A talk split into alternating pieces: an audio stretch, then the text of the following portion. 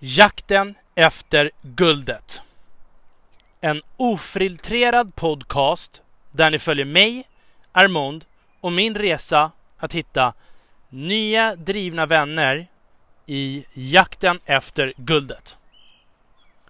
Det kommer att handla om allt ifrån senaste nytt i omvärlden till människor jag träffar och deras historier. Vad är jakten? Vad är guldet? Och varför? Jag tänkte börja första avsnittet med att berätta lite om mig själv och min uppväxt. Jag brukar säga att jag är divergent och jag har levt i den starka världen slash den nya världen sedan jag var 12. I den nya världen är alla starka oavsett om du är blyg, tystlåten eller fysiskt svag.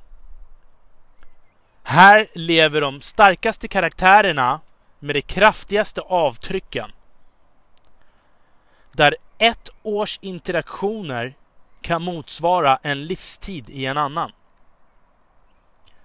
Är du syster eller bror till en idrottsstjärna? Eller mor till en känd affärsman? Dotter till en skådespelare? Då lever du också i den nya världen och är van med high pressure and high pressure people. Nu kommer berättelsen om min uppväxt och jag hoppas att ni vill följa min resa i jakten efter guldet. Upplands Väsby Början av min uppväxt startade i Upplands Väsby. Jag har alltid varit nyfiken sedan jag var barn. Jag började på brottning vid tre års ålder. Sedan dess har jag testat de flesta sporterna. Fotboll, basket, simning, tennis, hockey, friidrott, karate, kickboxning, jujutsu och så vidare. Att få ha haft en stark idrottslig grund som barn gav mig förutsättningarna att vara fearless.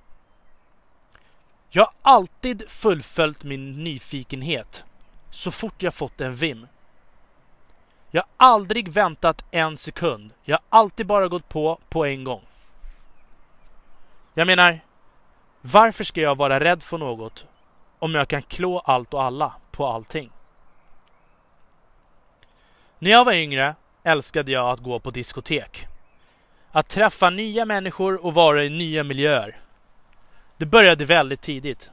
Det började redan i lågstadiet och vi gick på olika lågstadiediskon. Men vi gick även på mellanstadiediskon när jag gick i lågstadiet och högstadiediskon när jag gick i mellanstadiet. Jag har alltid haft ett brett nätverk. Mycket tack vare sportintresset och min nyfikenhet. Och den härliga mångfalden som fanns på gårdarna. Jag har också alltid umgås med äldre. Det gick liksom snabbare då. Jag spelade basket med 85 och 84 som var 1-2 år äldre än mig. Alla vi som tränade laget var av en viss karaktär. Vi alla trodde vi var bäst. Den som var jobbigast är alltid den som vinner. Att bli kallad jobbig, vart vi kommer ifrån, är en komplimang.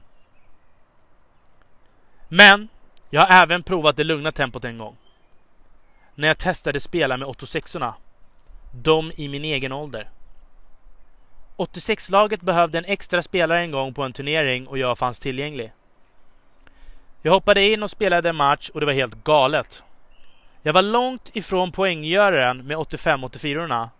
Men nu gjorde jag typ 20-30 poäng. Jag kommer ihåg att jag ringde min kompis CH som spelade fotboll på den tiden och sa Kom så spelar vi basket med 86orna! Det är skitkul, du kommer älska det! CH kommer för övrigt på äldre dagar att spela fotboll i AIK. Det gick ganska snabbt och vi tröttnade på det low pressure game. Vi var aldrig gjorda för mellanmjölk. Väsbyskolan, Smedjeskolan, Rumbeskolan, Grimstaskolan, Odenslunda, Ladan, Brunnbyvik och Infracity. Det var lite av de olika diskoteken som vi brukade gå till. Den nya världen. Sommarlovet efter femman, innan vi började sexan, åkte jag och mina kompisar in till stan för första gången. Vi skulle gå på konsert. Vi hade hört ifrån de äldre barnen på gården om Vattenfestivalen och om en Backstreet Boys-konsert som var den coola hiphopgruppen på den tiden. Inte boyband som det kallas på senare dagar. De berättade också att det fanns galna 15-åriga tjejer som slänger sig på alla killar. Det blev det sista strået i stacken. Vi kunde inte hålla oss och vi bestämde oss för att åka in och ta sista pendeln hem. Vi var tre stycken med mig. Bara det mest seriösaste och folkvana får åka med. Vi har ingen aning om vad som väntar. Det fanns heller inte något internet på den tiden. Så man kunde inte googla direkt. Och vi hade ingen GPS, det fanns inte heller för den delen. Vi hade ingen aning om vart det låg någonstans. Vi hade ingen aning om tidsperspektiv heller. Det enda vi hade sett var Michael Jackson-konserter på TV där folk blev ihjältrampade. Vad händer om vi missar sista pendeln hem? Vi har inte ens stämpelhäfte eller busskort. Alla vi som åker måste äga oss själva till 100%. Det här är ingen lek. Om något händer kan vi inte skylla på varandra. Vi måste ha tillit till 100%. Kommer vi bort i folkhavet ska vi titta efter varandra utan att få panik. Ingen lämnar någon.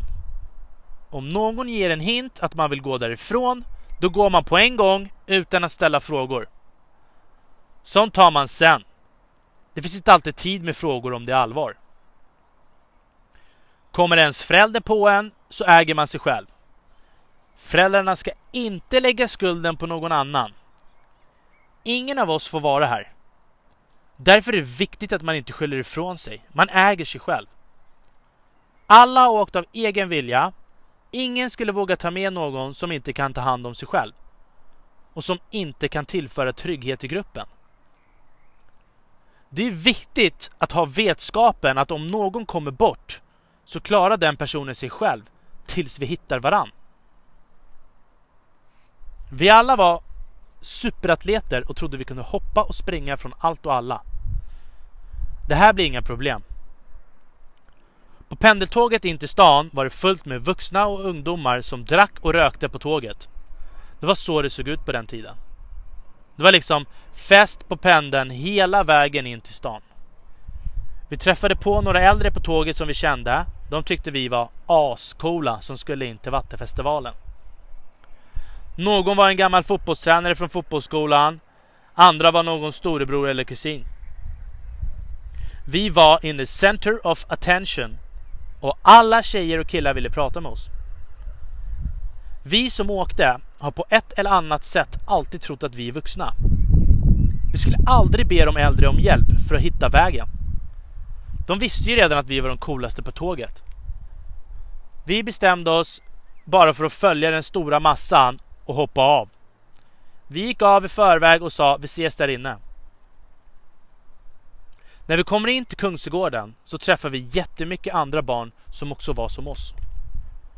Det var de modigaste och nyfiknaste personerna från hela Stockholm. Och alla ville bara ha kul. Vad vi inte vet vid det här laget är att personerna vi träffar kommer att komma bli Sveriges elit inom allt senare i livet. Nu var i alla fall Väsby för litet om ett liv i den nya världen börjar. Telefonplan. Sommarlovet efter sexan, innan jag börjar sjuan, så flyttade jag till telefonplan. Redan första dagen på gården så får jag nya vänner. Jag kommer ihåg tre väldigt tydliga saker när jag flyttade till telefonplan. Det första var att jag tyckte telefonplan var väldigt litet i jämförelse med Väsby. Jag menar, från Liljeholmen till Fruängen är fem tunnelbanestationer. Det motsvarar typ bara en sida av spåret i Väsby. Sen var det också att alla var lite före här. Här åker alla barn tunnelbana. Det var ju bara jag och de två, tre modigaste i Väsby som gjorde. Sen det tredje var kulturkrocken. Hur alla var fula mot varandra. Mycket lögner, vita lögner. Spel från barn och vuxna, vuxna mot barn, barn mot vuxna, men även sinsemellan. Tramsaker som typ Vem åt upp den sista glassen? Jag minns hur jag tyckte det var totalt oförståeligt. Hur kunde de sätta sig själva i baklås så här? Hur kan man skjuta på sin egen tid hela tiden? Var jag kommer ifrån så är sanningen både ditt bästa försvar och kontraattack. I alla fall. Det är år 99 och vi hänger sista året på Vattenfestivalen. Sen öppnar Slussenarenan.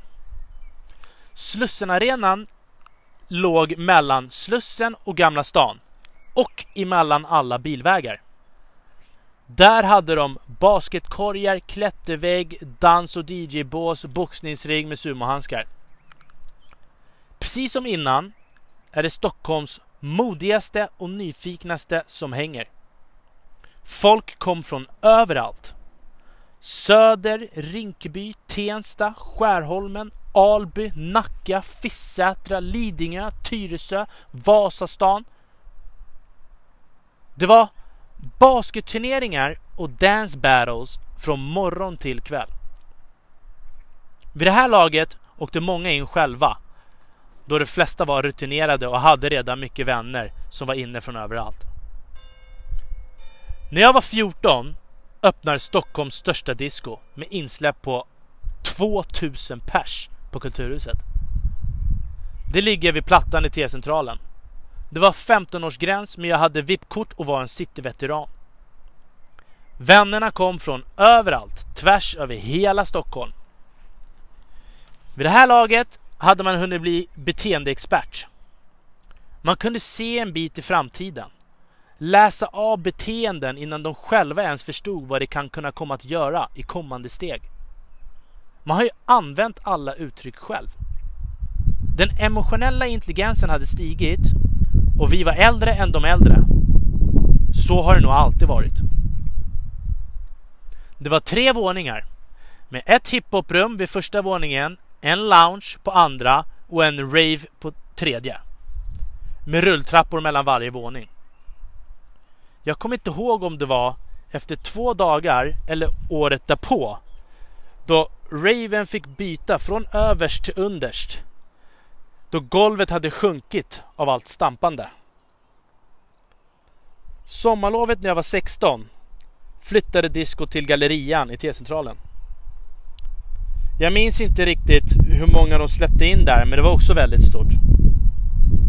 Vi går också ut på en massa andra ställen som Las Maracas, Fryshuset, Okejdagen, Energydagen, olika festivaler, juggefester, habbersfester, latinofester.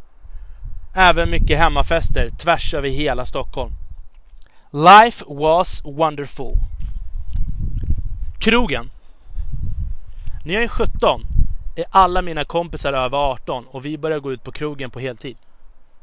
Vi var bjudna på invigningar, öppningar, releasefester överallt. Vi var ute minst tre till fyra dagar i veckan. Eftersom vi aldrig har stått i kö tidigare så kommer vi inte göra det nu heller. Man gled in med full haki, skakade hand med vakten, klappade han på axeln samtidigt som man hejade på alla som stod i kö. Sen gled man in. Vid det här laget ligger många i startskottet av sina karriärer. Vissa hade både hunnit tjäna pengar och bränna pengar tack vare för ung i sin framgång. På så sätt har man hunnit lära sig en massa läxor utan att man själv har blivit drabbad. Vi har helt enkelt fått en hel del passiva drabbningar. Att få lära sig mjuka värden och se framgångsrika atleter, artister, skådespelare och entreprenörer på riktigt lyckas gör att man har en klarare världsbild och allt är så nära. Runt 19-årsåldern var krogen full av mångfald. Vi hade salsaklubbar, dancehall, reggae, house, UK garage, hiphop, gayklubbar, slagerklubbar, juggefester, syrjojofester. Men tvärs över en natt så blev det som att de förbjöd dansmusiken. Och det blev bara house för att bli av med alla som dansar och självklart tjäna pengar istället. Det får inte vara för mycket känslor helt enkelt. Då kan stök uppstå och det är bad for business. Samma veva blev det rökförbud på krogen och det var ju bra i alla fall. Arbetslivet. I arbetslivet har jag jobbat som klottersanerare, platssättare, säljare, snickare, nattklubbsmanager, kundservice. Men som platssättare jobbar jag med i ungefär fyra år. Och det är grunden som jag är mest stolt över. Men från att ha levt ett ubersocialt liv till att stirra in i en vägg från 6 till 6, 5 till 6 dagar i veckan till att drömma väggar och fog blev en rejäl omställning. Jag minns hur jag kunde vakna av mitt eget skratt i sömnen. Jag hade räknat ut några skärningar som gör att jag hinner sätta väggar, golv plus hall. Efter att ha levt knegarliv och tröttnat på att gå ut så ville jag göra någonting nytt. Jag kände en enorm begränsning som jag aldrig tidigare känt. Jag kunde inte få ut min personlighet eller potential inom bygg. Jag var van att gå på det så kallade omöjliga, satsa på det oändliga.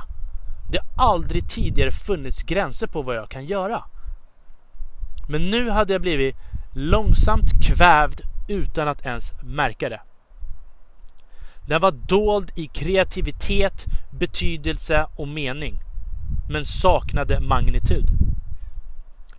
Jag sadlade om till säljare för att få vara bland människor igen. Jag testade på många olika säljjobb. Att ge sig in i säljbranschen blev som en till liten kulturkrock. Det var omoget och många arbetsplatser led av barnsjukdomar. Hög personalomsättning, sjukdagar, avundsjuka och mobbning. Ska man jobba med försäljning gäller det att hitta en bra chef och en produkt man tror på. När man väl har gjort det, då är man slitstark och kan lite om allt i alla branscher. Men precis som i bygg så saknades en magnitud och frihet i rörelserna för att nå sitt personliga mål. Det var bara gamla strukturer utan drömmar. Jag tror att livet går ut på att bräcka barriärer. Om jag har bräckt 900 barriärer och får en osäker chef som ligger på 40, då blir det energikrävande för båda parter. Ska jag på riktigt få jobba i min takt och få utlopp för min energi och kreativitet, då måste jag vara egen företagare. Jag är en speedboat. Ska jag puttra tillsammans med roddbåtar så kommer jag gå sönder. Likväl som roddbåtarna går sönder om de ska åka med mig. Den här tiden är en jobbig period. Hur agerar man som företag om du har personal som arbetat i många trogna år och så kommer någon in och är lika duktig på kort tid och dessutom med en massa nya idéer? Thailand. Jag flyttade till Thailand och det blev vändningen och tändningen för precis allt. Thailändarna gör prayer hands vid brösthöjd samtidigt som de bockar med huvudet när de säger hej och hej då. Att få ett helt gäng sådana varje dag från alla möjliga olika klasskillnader är helt galet. De sköt sönder mig med light beam. With the palm of Buddha. Hur i helskotta ska man inte kunna vara överfylld med energi nu? Precis som i Sverige går det snabbt och jag har vänner över hela landet. Vill jag leva öliv kan jag göra det. Vill jag leva citylife kan jag göra det. Vill jag leva high society kan jag göra det. Jag har allt. Både nya och gamla vänner från hela världen. Thailand är en världsmetropol som hela världen åker till för att kasta av sig kostymen. I mitt intresse för entreprenörskap så får jag se business 2.0 i en galen hastighet i olika branscher. Ett tvätteri i min byggnad. Helt nytt men verkar ha väldigt mycket kunder. placerar sig bra strategiskt i anslutning till hotell, populärt gym och dyra bostäder. Jag hade väl snitträknat på 30 40 kunder om dagen som ungefär tvättade för 300 baht i snitt styck. Så kändes det i alla fall om man läste av storleken på påsarna. Det visade sig nästan stämma. Ägarna som var två tjejer mellan 25 till 35 års åldern omsatte närmare 500 000 baht i månaden. Och senare blev en franchise. Jag har även en vän som driver en resebyrå. Men han var de fyra stycken och deras jobb var att visa runt grupper i Thailand för första resande eller ensamresande på mellan 8 till 15 dagars tours. Inom två år har han över 60 heltidsanställda och abonnerar hotell över hela landet enbart för sin personal och kunder. Idag är de verksamma i flera länder i Asien. Jag har en tjejkompis också. Som gör egen glass under vintermånaderna. December, januari, februari när alla svenskar vill ha glass i bägare. Olika smaker, choklad, hallon, melon, pistage, banan, jordgubb och så vidare. Hon betalar 4000 baht i månaden för att få ställa sina frysar på olika restauranger och låta någon annan sälja hennes glass. På två till tre månader har hon tjänat flera hundratusen baht. Så hon klarar sig för resten av året om hon inte vill fortsätta med sina andra sysslor. Det underbara drivet och hastigheten som finns här är fantastisk. Jag har haft privilegiet att få följa med på de mest fantastiska resorna och bygga broar överallt. Om någon ska göra en resa och kan ta med någon, då är det alltid det A-team man tar med. Jag har fått resa till olika platser i världen tack vare mina kära vänner och min sociala kompetens. Jag har lagt märke till vilket enormt försprång vi svenskar har i allmänbildning.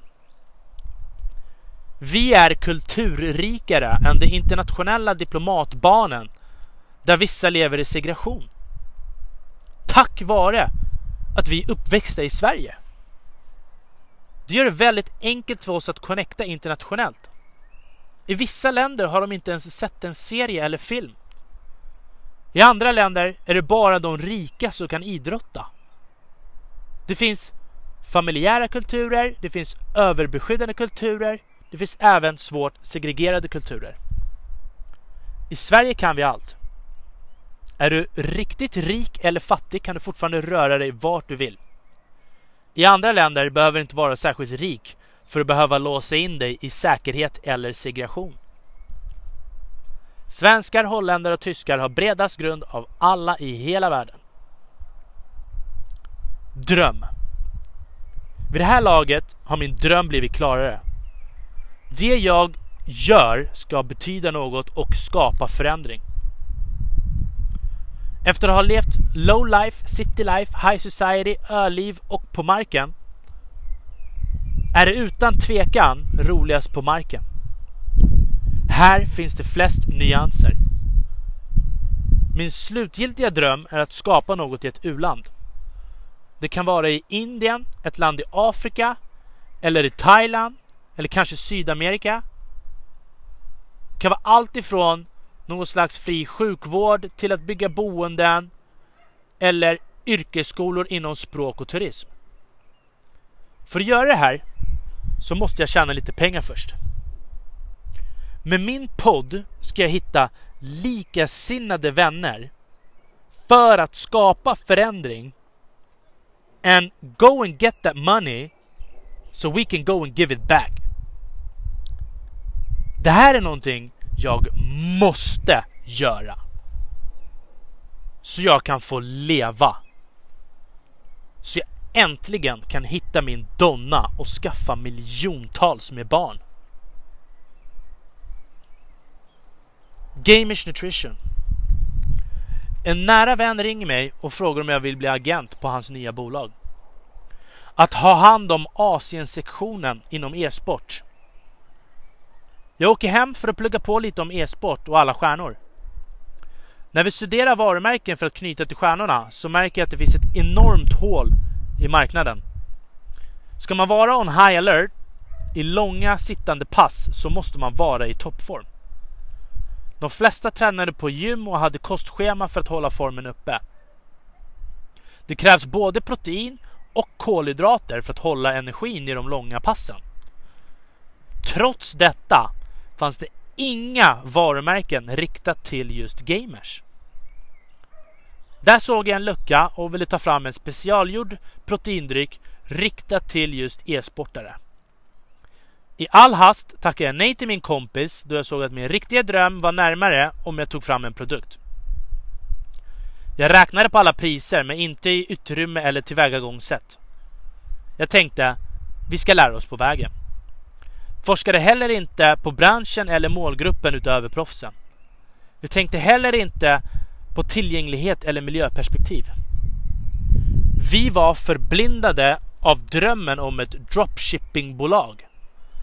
Där vi tar fram en produkt med vårt varumärke men producenten skickar ut varorna. Vi hade räknat fel helt enkelt. Vilket gav oss noll marginaler till återförsäljare. Om man ska bygga ett varumärke som vi ville göra då ska man hellre sälja i pallar till distributörer än styckvis till konsument. Ska vi vara attraktiva till distributörerna så måste vi komma ner i pris och minska till färdig engångsförpackning om man vill kunna konkurrera om hyllplatser i dagligvaruhandeln. Det här kom vi på efter drygt ett år efter en massa workshops och meetups. När jag blev antagen på Startup Stockholm fick jag ett utbildningsprogram att studera och fylla i. När man väl har svarat på alla frågor så är allt glasklart. Både för en själv och vem som helst som läser. Hur man går tillväga och hur man utvecklar sin produkt. Att göra en rejäl djupdykning i målgruppen kombinerat med omvärldsbild, behov, beteende och mentalt tillstånd. När man gjort det här har man skapat den perfekta produkten för sin målgrupp. När allt klaffat rätt så ser man att det man har skapat sträcker sig långt över den först tänkta målgruppen. Det vill säga målgrupp nummer två. Som är större men härstammar från målgrupp nummer ett. Det är ett tillstånd. En känsla. En kultur. Under den här perioden var jag urfattig och låg efter med räkningarna. Jag hade även tappat mina kollegor för länge sedan. Dålig sömn och brist på mat gjorde att hjärnan inte fungerade som den skulle. Jag var långt ifrån färdig och totalsumpade pitchen. Men jag lärde mig till slut nu i alla fall, när programmet var över. Efter att ha sökt kollegor och samarbetspartners för en omstart utan framgång i över ett år, nästan två år, vill jag påpeka att vi gjorde alla rätt hela vägen i alla fall. Vi hade aldrig haft den här kunskapen eller erfarenheten på så här kort tid annars. Vi var tvungna att sträcka oss efter varje halmstrå som gav oss kunskap. Men nu får jag tänka om. Många av mina vänner i Sverige har familj nu och vi alla är på olika platser i livet. Vissa vill att jag ska leva Svensson. Fast jag har mycket mer att ge än att äta, sova, dö. Jag har en dröm och jag har alltid levt en dröm. Varför ska jag sluta nu? De senaste åren har gett mig en flerårig utveckling. En känsla jag inte fått känna sedan jag var barn. Med nya verktyg i lådan är det dags för mig att hitta likasinnade vänner med kompetens, mål och viktigast av allt, driv. Det är fantastiskt hur sociala medier kan bjuda in en i någon annans liv fast man inte är där. Men ändå visa att man är där varje dag och stöttar. En av mina strategier när vi startade Gamers Nutrition var Gilla alla bilder på människor som är i alla rum.